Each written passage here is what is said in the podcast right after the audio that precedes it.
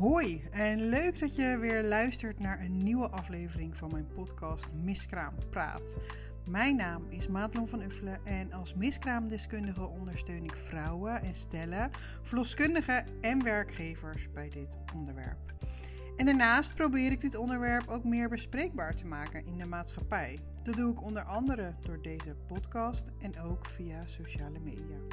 In deze aflevering ga ik het hebben over waarom een telefoontje naar iemand met een miskraam zo belangrijk is voor jou als verloskundige en wat je dan kunt zeggen. Het is alweer een tijdje geleden dat ik zelf in mijn eentje een podcastaflevering gemaakt heb. Zoals je gezien hebt, waren de laatste uh, afleveringen allemaal interviews met uh, vrouwen met ervaringsverhalen van verlies in de zwangerschap, van uh, miskramen, buitenbaarmoedelijke zwangerschappen, tot het afbreken van een zwangerschap vanwege ernstige afwijkingen bij een kindje. Um, dit is ook weer de eerste aflevering van het nieuwe jaar 2023. Ik ben uh, na oud en nieuw heel erg ziek geweest. Een goede griep gehad met veel uh, hoesten en snot ook. En uh, ik klink nog steeds een beetje nasaal en heb af en toe een kriebeltje. Dus mocht je dat horen, deze aflevering, dan weet je alvast waar dat van komt. Um, en deze nieuwe aflevering neem ik op weer vanuit huis. Ik zit aan onze keuken tafel en ik uh, neem je mee vandaag in waarom een uh, telefoontje van jou als verloskundige zo belangrijk is voor iemand die een uh, miskraam of ander verlies in de zwangerschap ehm, gehad heeft. Maar eerst wil ik je meenemen naar een aantal jaar geleden. En uh, ik weet het ook nog, uh, uh, hoe heet het, heel goed. Ik kan het gevoel bij wijze van ook echt nog helemaal oproepen. Toen ik nog zelf werkte als verloskundige, zag ik soms echt als een berg op tegen het telefoontje naar iemand met een miskraam. En misschien herken je dat wel. En daarom heb ik speciaal voor jou deze aflevering gemaakt. En het ging dan vooral om de telefoontjes een paar weken na een uh, verliesgeboorte. Uh, de telefoontjes in het begin, hè, als iemand nog vloeit, als, de, uh, als het nog op gang moet komen, als er een keuze gemaakt moet worden in het beleid. Um, dat ging altijd wel. Dan wist ik prima wat ik te vertellen had, wat ik wilde weten van iemand en um, wat het doel was van mijn gesprek. Maar die telefoontjes die na een aantal weken plaatsvonden. Um, die vond ik echt wel lastig. Als het lichamelijke, hè, zeg maar, geweest was. En het vooral mocht gaan over de emotionele beleving. Uh, want ja, dacht ik, zit iemand dan nog op mij als verloskundige uh, te wachten? Rakel ik het verdriet wat er was of is met zo'n telefoontje niet juist weer op? En zit mijn cliënten daar wel uh, op te wachten? Um, dus ja, ik vond dat best lastige telefoontjes. En heel eerlijk was ik ook wel weer blij vaak als ik uh, op mocht hangen en als het gebeurd uh, was. Dan viel er soms echt letterlijk uh, een last van, mijn, van mijn schouders af. Um, alleen fast forward naar nu. Nu draai ik mijn hand er niet meer voor om voor zulke soort gesprekken. sterker nog, ik plan er ruim de tijd uh, voor in. Dat ik alle ruimte heb om uh, met deze vrouwen in gesprek te gaan en naar ze te luisteren. En um, regelmatig is het dat ik een uh, uur met zo iemand spreek. Nou, verwacht ik dat niet van jou hoor, als verloskundige. Want ik weet hoe kostbaar je tijd is.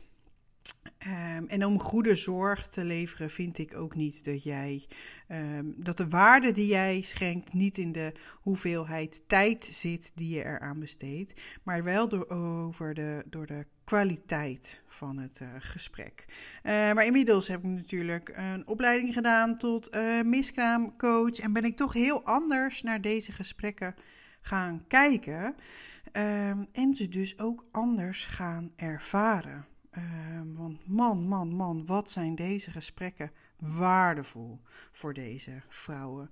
En uh, in mijn geval, als ik deze vrouwen spreek vanuit mijn uh, coachperspectief, dan is uh, soms zo'n gesprek al voldoende om iemand verder te helpen.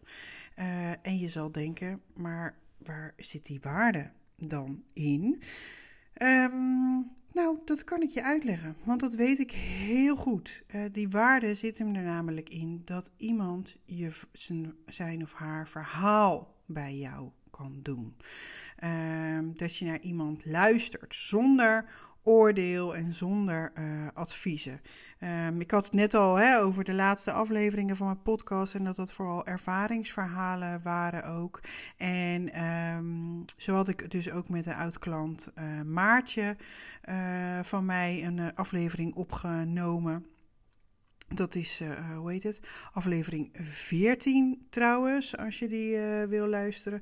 Ontzettend mooi en ontroerend verhaal. En ik vind ook dat zo die liefde die zij voor haar kindje heeft eruit uh, spreekt. En het geeft je dus ook inderdaad een beeld van um, hoe het voor haar was en wat zij meegemaakt heeft uh, in die uh, tijd.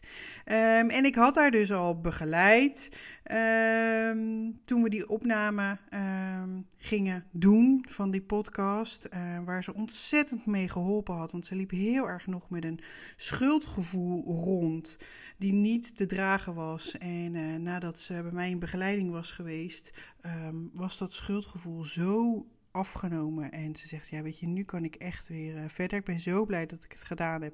Ik had het eigenlijk veel eerder moeten doen. Dan had ik eerder uh, me weer zo gevoeld. Maar ja, dat is altijd uh, achteraf. Um, maar goed, ik had dus de, die aflevering met haar opgenomen.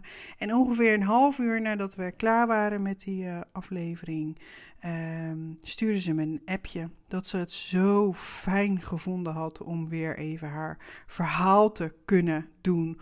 Om het over haar zoon te, um, ja, te kunnen hebben. En dat hij, dat, dat hij er mag zijn en ook dat zij er mag zijn met haar emoties en ervaringen rondom dat uh, verlies. En um, als je die aflevering geluisterd hebt, nogmaals, aflevering 14 uh, eh, is het, dan uh, zul je ook merken dat ik maar een aantal vragen stel. En daarbij vooral haar aan het woord laat. Um, en zo is eigenlijk altijd hoe het gaat. Als ik iemand spreek, heb ik altijd een aantal standaard vragen klaar liggen. Uh, een aantal gespreksopeners, hè, om het zo maar uh, te zeggen. En gedurende het gesprek um, ga ik steeds vragen stellen, meer specifiek op de situatie van um, de vrouw die ik spreek. Maar wat ik vooral doe, is luisteren en stiltes laten vallen. Want in die stilte kan iemand bij een uh, diepere laag komen van zichzelf en van daaruit uh, antwoord geven. Vaak is het eerste antwoord dat je krijgt uh, is een hoofdantwoord, zo noem ik het maar. Hè. Het is iets wat hoog um, in het hoofd zit, wat bijna een standaard antwoord is. maar als je dan een stilte daarna laat vallen, dan komt vanuit die diepere laag een eerlijker antwoord. En dat is wat zo waardevol wordt en is. Um, want iemand komt daarmee dus ook op een diepere laag bij zichzelf. En het kan soms um, hele nieuwe inzichten geven door het erover te hebben en uh, door de vragen die jij uh, stelt. Dus die gesprekken zijn echt super waardevol voor haar om te doen. Um, en je kan er ook nog eens op een andere manier hè, als ondernemer. Je bent als verloskundige toch ook ondernemer naar kijken. Um, is dat iemand zich gezien en gehoord voelt in deze periode. En daardoor veel meer geneigd zijn om een volgende periode bij jou um, terug te komen op een volgende zwangerschap, zeg maar. Um, en dat niet alleen, maar ze zal het ook aan haar vriendinnen en uh, kennissen door vertellen hoe fijn ze het gehad heeft bij jullie. Um, dus ook wat dat betreft is het uh, super slim om er. Um, uh, hoe heet het? Ja, om, om die gesprekken te voeren, om daar tijd in uh, te investeren. Sowieso in je nazorg voor vrouwen met een miskraam trouwens. Um, maar goed, daar hebben we het nu niet over. We hebben het nu over die gesprekken. En die gespreksopeners, die kan ik jou ook geven. Zodat je weet wat je kunt doen. En ehm, ik zou zeggen, ga daar vooral mee oefenen. Stel een vraag en laat een stilte vallen. En ontdek wat er uh, gebeurt. En uh, een tip voordat je zo'n gesprek begint. Um, jij als verloskundige hebt misschien ook wel eens wat meegemaakt zelf. Dat je uh, verliesgeboorte hebt meegemaakt. Hè? Een miskraam of een uh, mola-zwangerschap of een buitenbaarmoedelijke zwangerschap. Of dat je voor de keuze hebt gestaan om de zwangerschap te beëindigen. Um, en daarmee ben je ook ervaringsdeskundige. maar het is altijd oppassen dat je uh, die ervaring daarin niet meeneemt en jouw uh, ervaringen en gedachten daarover bij die ander neerlegt. Uh, want je weet namelijk hoe het voor jezelf geweest is, maar niet hoe het voor die ander is. Je kunt het niet voor een ander invullen, ook al um, denk je dat je weet hoe het is. Uh, wat je wel kan zeggen in zo'n situatie, dat adviseer ik uh, bij sommige, in sommige gevallen ook, is dat je kan zeggen van nou ja, vaak hoor ik van andere vrouwen dat ze zich nou puntje, puntje, puntje voelen of dat ze puntje, puntje, puntje hiermee te maken hebben. Um, hoe is dat voor jou? Of is dat voor jou ook zo? Dat is een andere. Um, ingang, zeg maar, dan dat je zegt: Oh, je voelt je zeker uh, zus en zo, want dat had ik ook daar is bijna geen nee meer op te zeggen. En die eerste vraag die is uh, uh, open en kan iedereen beantwoorden zoals die, uh, zoals die wil. En het geeft ook ruimte. Soms schamen mensen zich voor dingen die ze voelen en ervaren. En zullen ze dat ehm, niet zomaar bij jou op tafel gooien. Maar als ze van jou horen dat jij dat bij andere vrouwen ook hoort en terugkrijgt, dan zullen ze eerder geneigd zijn om ehm, ja, om daar ook eerlijk antwoord op te geven richting, uh, richting jou. Um, en ik zit trouwens te denken, je kan natuurlijk ook tussendoor de opnames eventjes stopzetten, zodat je, of terugluisteren, zodat je de vragen eventjes uh, op kan schrijven als je dat uh, wil. Uh, maar goed, dit is dus eventjes inderdaad vooraf niet invullen voor een ander. Um, maar hoe begin je dan zo'n gesprek? Um, en we zijn natuurlijk sowieso in het dagelijks leven eigenlijk gewend om te vragen: hoe gaat het? Um, maar zoals jij misschien zelf ook wel ervaart als deze vraag aan je gesteld uh, wordt, is dat het een vrij grote uh, vraag is. Um, dus je kan liever die vraag wat concreter maken. En dat zou je bijvoorbeeld kunnen doen door te vragen: hoe gaat het vandaag? Je. Dat is voor iemand heel anders, hè? want vandaag kan anders zijn dan gisteren of dan vorige week. Um, dus als jij vraagt hoe gaat het, ja, waar moet iemand dan antwoord op geven? Vandaag moet hij van vorige week ook vertellen en uh, van gisteren. Of hoe zit dat? Als je hem specificeert naar hè, hoe gaat het vandaag met je, dat is concreter en uh, behapbaarder ook daarin. Dus dat uh, wordt meestal al heel erg fijn ervaren. En um, andere vragen die je kunt stellen zijn bijvoorbeeld: uh, één, hoe heb je het ervaren? Twee, hoe kijk je er nu op terug? Hè? Zeker als je na een paar weken uh, terugbelt naar iemand. Uh, en nog een derde vraag die ik je mee wil geven is: wat doet het met je? Um, en dan kan je vragen: hè, wat doet het met je qua gezondheid? Wat doet het met je qua relatie? Wat doet het met je qua energie? Als je die vraag stelt, moet je maar eens kijken wat voor antwoorden je terug, uh, terugkrijgt. Het maakt dat je een veel. Ja, dat je veel meer inzicht krijgt in wat er speelt bij iemand ehm, ehm, in haar dagelijks leven. Ja, en uh, dit zijn dus mooie open vragen waarbij je dus van iedereen een antwoord uh, zult krijgen. En uh, met die antwoorden kun je ook het gesprek weer verder ingaan en daar specifiekere vragen uh, over stellen. Hè? Wat betekent het voor iemand bijvoorbeeld als hij merkt dat hij geen aandacht meer heeft voor, ehm, voor de andere kinderen in het gezin of voor partner of vrienden. Daarmee verdiep je uh, het antwoord uh, van je cliënt en krijgt die cliënt zelf ook inzichten daarin, wat heel erg prettig is. Uh, en het allerbelangrijkste wat je doet is luisteren. luisteren naar de antwoorden. En als je denkt, nou ik ben klaar met luisteren, dan ga je nog een keertje luisteren. Ik hoop dat deze vragen je weer verder geholpen hebben. Dat je met vertrouwen en een aantal openingsvragen uh, deze vrouwen opbelt. En uh, ja, ze, ze ondersteunt daarin in het proces wat ze uh, meemaken op dit moment. En dat is echt heel waardevol voor hen. En mocht je nu denken van ja, leuk, Madelon, maar het voelt voor mij toch nog steeds een beetje glibberig en uh, oncomfortabel. En wat kan ik ja, misschien nog wel meer betekenen voor mijn cliënten? Um, dan zou het wel eens heel erg interessant voor je kunnen zijn om te onderzoeken of we misschien hierin kunnen samenwerken.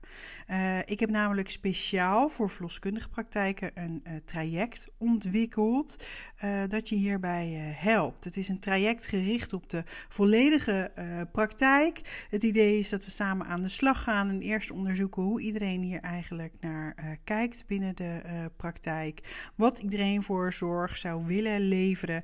En um, ja, wat voor dingen je als praktijk dan dus actief kunt doen om die kwaliteit van je nazorg voor deze vrouwen naar een hoger niveau te tillen. Um, en in het proces ontwikkelen we een uh, handreiking. Een handreiking voor jullie praktijk, want ik wil ook echt dat het voor jullie uitvoerbaar is. Ik kan wel allerlei dingen zeggen of opleggen daarmee in feite. Hè, waarvan ik zeg, nou je moet dit of dit of dit doen. Maar als jullie dat niet zien zitten, dan ga je dat niet doen. En dat vind ik doodzonde. Ik wil dat het iets is wat voor jullie werkt. Um, en daarom zit er dus ook een supportperiode bij. Want als je uh, zo'n handreiking gaat uitvoeren in de praktijk, dan komen pas echte dingen aan het licht waar je uh, tegenaan zou kunnen lopen. En omdat we dan nog steeds contact met elkaar uh, hebben, kunnen we die dingen nog mooi uh, bespreken samen en kan ik je daar weer mee verder op weg helpen. Nou, lijkt het je nu wat? Je bent van harte welkom om uh, via mijn site www.madelonvanuffelen.nl een berichtje te sturen of een uh, kennismakingsgesprek aan te vragen. Uh, en je vindt daar op mijn site ook nog meer informatie over het traject trouwens. Voor nu, super bedankt voor het luisteren. En uh, nogmaals, ga aan de slag met de uh, vragen en ga ervaren dat je hele waardevolle nagesprekken uh, gaat voeren met jouw cliënten met een verliesgeboorte. En ik heb nog een vraag voor je. Dus je zou me namelijk onwijs helpen als je een review zou willen achterlaten voor mijn uh, podcast, zodat ik nog meer mensen kan bereiken met mijn verhaal. En wil je nu napraten met mij over deze aflevering, over een andere aflevering die je gehoord uh, hebt, of heb je andere vragen? Uh, je kunt me altijd een berichtje sturen via uh, Insta, madelon miskraamdeskundige. Um, en ik vind het heel erg leuk met, om met je in gesprek te gaan. En super leuk om te horen dat je geluisterd hebt. Voor nu wens ik je nog een fijne dag en tot de volgende keer.